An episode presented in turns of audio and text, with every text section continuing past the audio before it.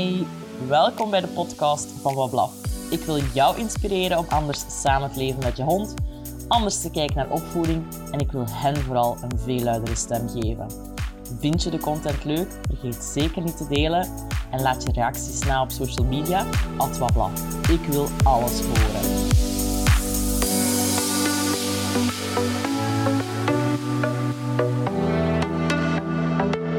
Hey, welkom bij mijn podcast. Uh, ik ben Annelies. Hallo, hoi. En uh, je luistert eigenlijk al naar de voorlaatste aflevering van het tweede seizoen. Ik ben intussen een, een goed jaar aan het podcasten. Heel veel collega's gesproken, heel veel hondenprofessionals gesproken. En in die laatste twee afleveringen wil ik nog een aantal thema's aanhalen die mij de laatste tijd wel wat bezig gehouden hebben. En vandaag wil ik het vooral hebben over het belang van context, van omgeving, van cultuur, waarin dat wij functioneren, waarin dat wij opgroeien. En iets dat mij heel hard is opgevallen, is dat wij allemaal bepaalde verwachtingen hebben rond, rond samenleven met honden. En heel specifiek dat wij daar ook een bepaald beeld van hebben. En dat afhankelijk van hoe mensen dat tot uitvoering brengen, dat dat een hele grote impact heeft op niet alleen gedrag, maar ook hoe we omgaan met gedrag. En ik ga heel concreet gaan, want ik ben super vloe aan het praten. Dat is, soms moet ik gewoon even to the point komen. De vergelijking maak ik graag met uh, mensen die voor zichzelf beslissen of daar misschien niet dezelfde beslissing in maken, maar dat zo gewend zijn om bijvoorbeeld hun hond te huisvesten in een kennel buiten. En misschien mag die hond wel af en toe eens binnenkomen, maar als die dan binnenkomt, dan moet hij op een vaste plek gaan liggen. Of er zijn heel duidelijke structuren en regels rond.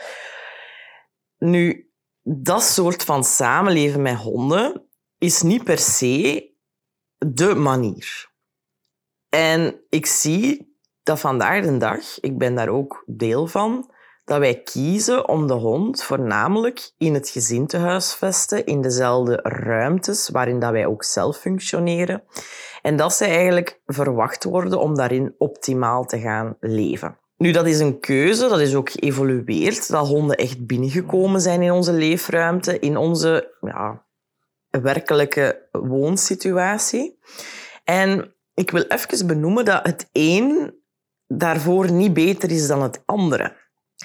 Er zijn gewoon verschillen op dat gebied. En je kunt niet zeggen van iemand die ervoor kiest om zijn hond op die manier te huisvesten en op die manier mee samen te leven, van Ola Pola, jij moet dat hier anders gaan doen. Maar andersom kun je dat ook niet maken. Je kunt niet zeggen van mensen die verwachten of, of, of de nood voelen om hun hond in hun huis te laten leven en mee te laten functioneren, van dit is niet de manier.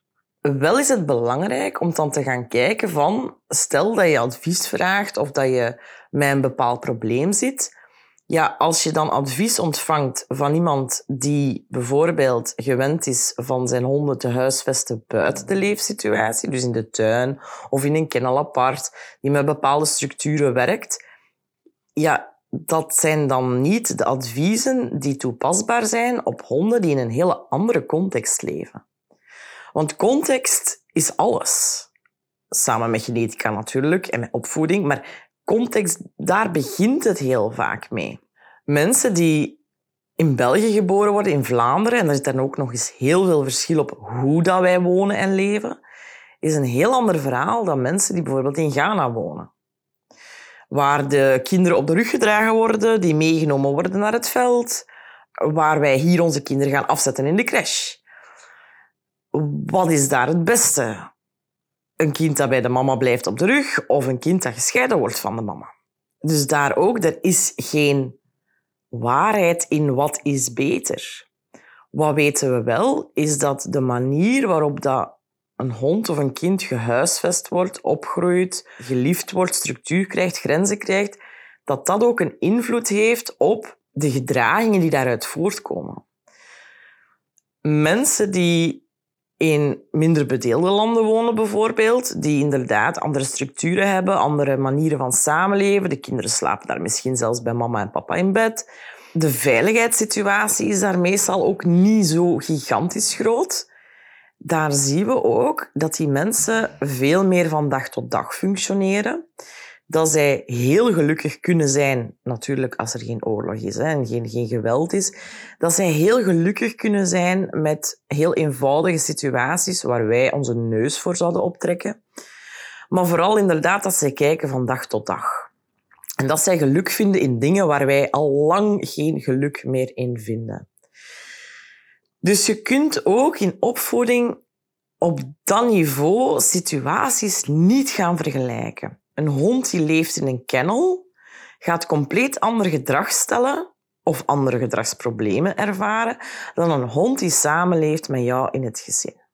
En again, er is geen ene juiste waarheid. Wat wel een belangrijk inzicht is, is dat wat je kent, kan je verlangen. In die zin dat ik kan perfect mijn kinderen laten groot worden in een kamer. Weg van de leefsituatie, en ik laat hen enkel toe in die leefsituatie op momenten dat dat voor mij mogelijk is.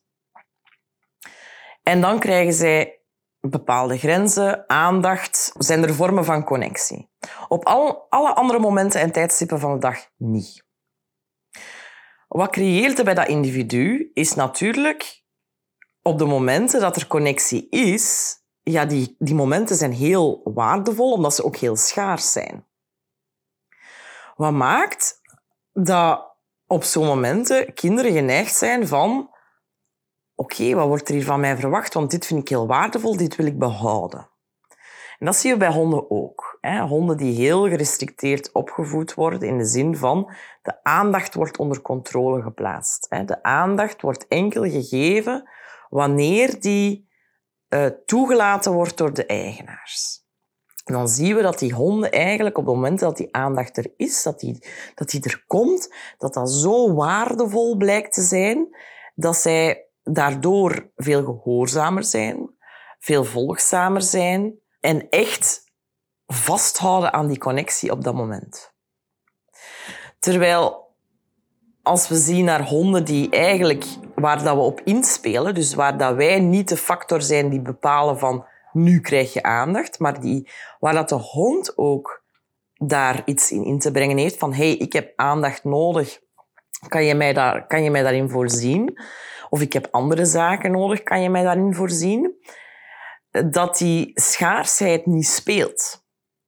En dan kan je zeggen, ja, maar is het een dan beter dan het ander? Daar ga ik totaal niet over praten.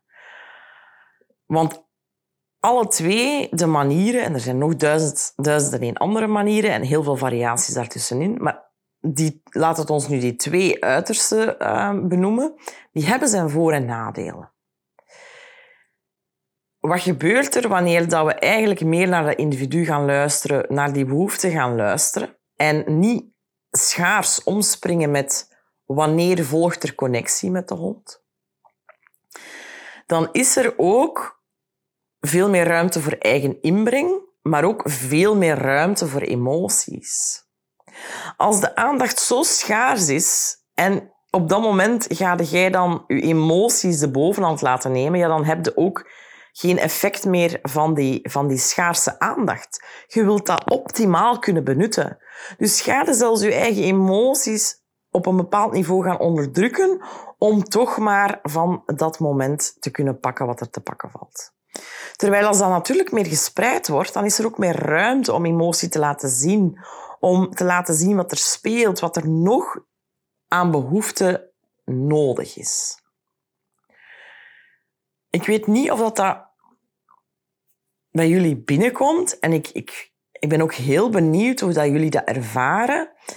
Voor mij ligt de moeilijkheid dan vooral in als collega's advies geven vanuit een standpunt waarin dat de hond bepaalde schaarsheden heeft, om dat dan te gaan kopiëren op een hond die eigenlijk echt 100% samenleeft, 100% in de ruimte aanwezig is. En waar er dus ook ruimte is voor bepaalde emoties die anders niet zichtbaar zijn. Een kind dat opgroeit in een donkere kamer zal ook opgroeien. Maar het zal een hele andere beleving hebben van de wereld, van de invulling van zijn behoeften, dan wanneer dat kind optimaal samenleeft. En dat is bij honden niet anders. En nee, dat wil niet zeggen dat we onze honden moeten behandelen zoals onze kinderen, maar dat wil wel zeggen dat we mogen kijken naar de emotionele beleving, want die is wel gelijkaardig aan hoe mensen emoties ervaren en behoeftes hebben. En again, hè, um, ik ben hier zo wat van hier naar daar aan het praten. En van Ghana gaan we naar kennels. En van donkere kamers gaan we naar, naar leefruimtes.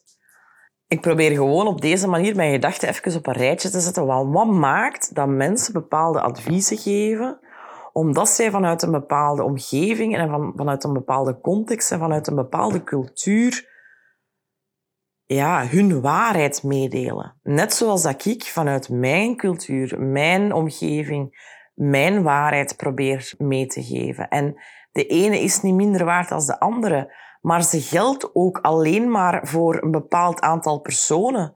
Want ik kan niet inspelen op situaties waarbij dat mijn klanten bijvoorbeeld zeggen, ja, maar mijn hond moet buiten leven. Ik kan daar niet aan relateren. Dus dat wil ook zeggen dat de problemen die daaruit voortkomen, dat ik daar niet in kan ondersteunen. Dat is mijn mening. Omdat die situatie, die context, die omgeving gewoon niet dezelfde zijn. Als ik coaching geef aan mensen in Vlaanderen, is dat een heel ander verhaal voor mij dan wanneer ik coaching geef aan mensen uit Afrika, bijvoorbeeld. Die beleving is anders. Die verwachtingen, die waarden, die normen liggen te ver uit elkaar. Dan kunnen zeggen, ja, maar in de basis is toch elke mens hetzelfde? Ja, dat klopt, maar ik kan niet bepalen hoe dat jij met je hond wil samenleven. Ik kan niet bepalen hoe jij je kinderen wil laten opgroeien. Ik kan alleen maar bepalen waar ik een match zie, waar ik um, voel dat de situatie of de context gelijkaardig genoeg is, zodat mijn advies of mijn ondersteuning zoveel mogelijk reflecteren op wat dat die hond in die context ervaart. En misschien wil ik daarmee eigenlijk vertellen dat ik niet voor iedereen ben en dat dat echt helemaal oké is. En dat mijn collega's misschien ook meer mogen kijken naar wat, is, wat sluit bij mijn waarden en normen aan, wat sluit bij mijn context aan, bij mijn leefsituatie, omdat we van daaruit onze waarheid gaan reflecteren op mensen. En als je je waarheid gaat reflecteren op mensen die totaal niet aansluiten bij die context, ja, wat zijn we dan, wat zijn we dan aan het doen eigenlijk? Dan zijn we iets aan het opdringen dat niet kan kloppen. Tot daar mijn gespring van hier naar daar. In essentie is de boodschap waarschijnlijk van zoek wat past. Zoek wat logisch lijkt wat aansluit bij uw normen en waarden, want het is niet aan mij om die waarden en die normen te gaan veranderen. Daarvoor doe ik mijn job niet. Ik doe mijn job omwille van het feit dat de mensen die in dezelfde of in gelijkaardige waarden en normen staan, in gelijkaardige contexten willen samenleven met hun hond, om daar te gaan ondersteunen en te vertellen van oké, wat heeft deze hond in deze context naar mijn gevoel nodig? Voilà. Even eruit gedumpt. Um, ja, dus nog één aflevering en dan zitten mijn twee seizoenen erop. Ik, ik kijk nu al uit naar het derde seizoen, sowieso. Dus um, de podcastafleveringen gaan blijven komen, want deze dumps heb ik echt nodig om te kunnen blijven functioneren in, in, in het werk dat ik doe. Ik hoor u heel graag tot de volgende. Salut!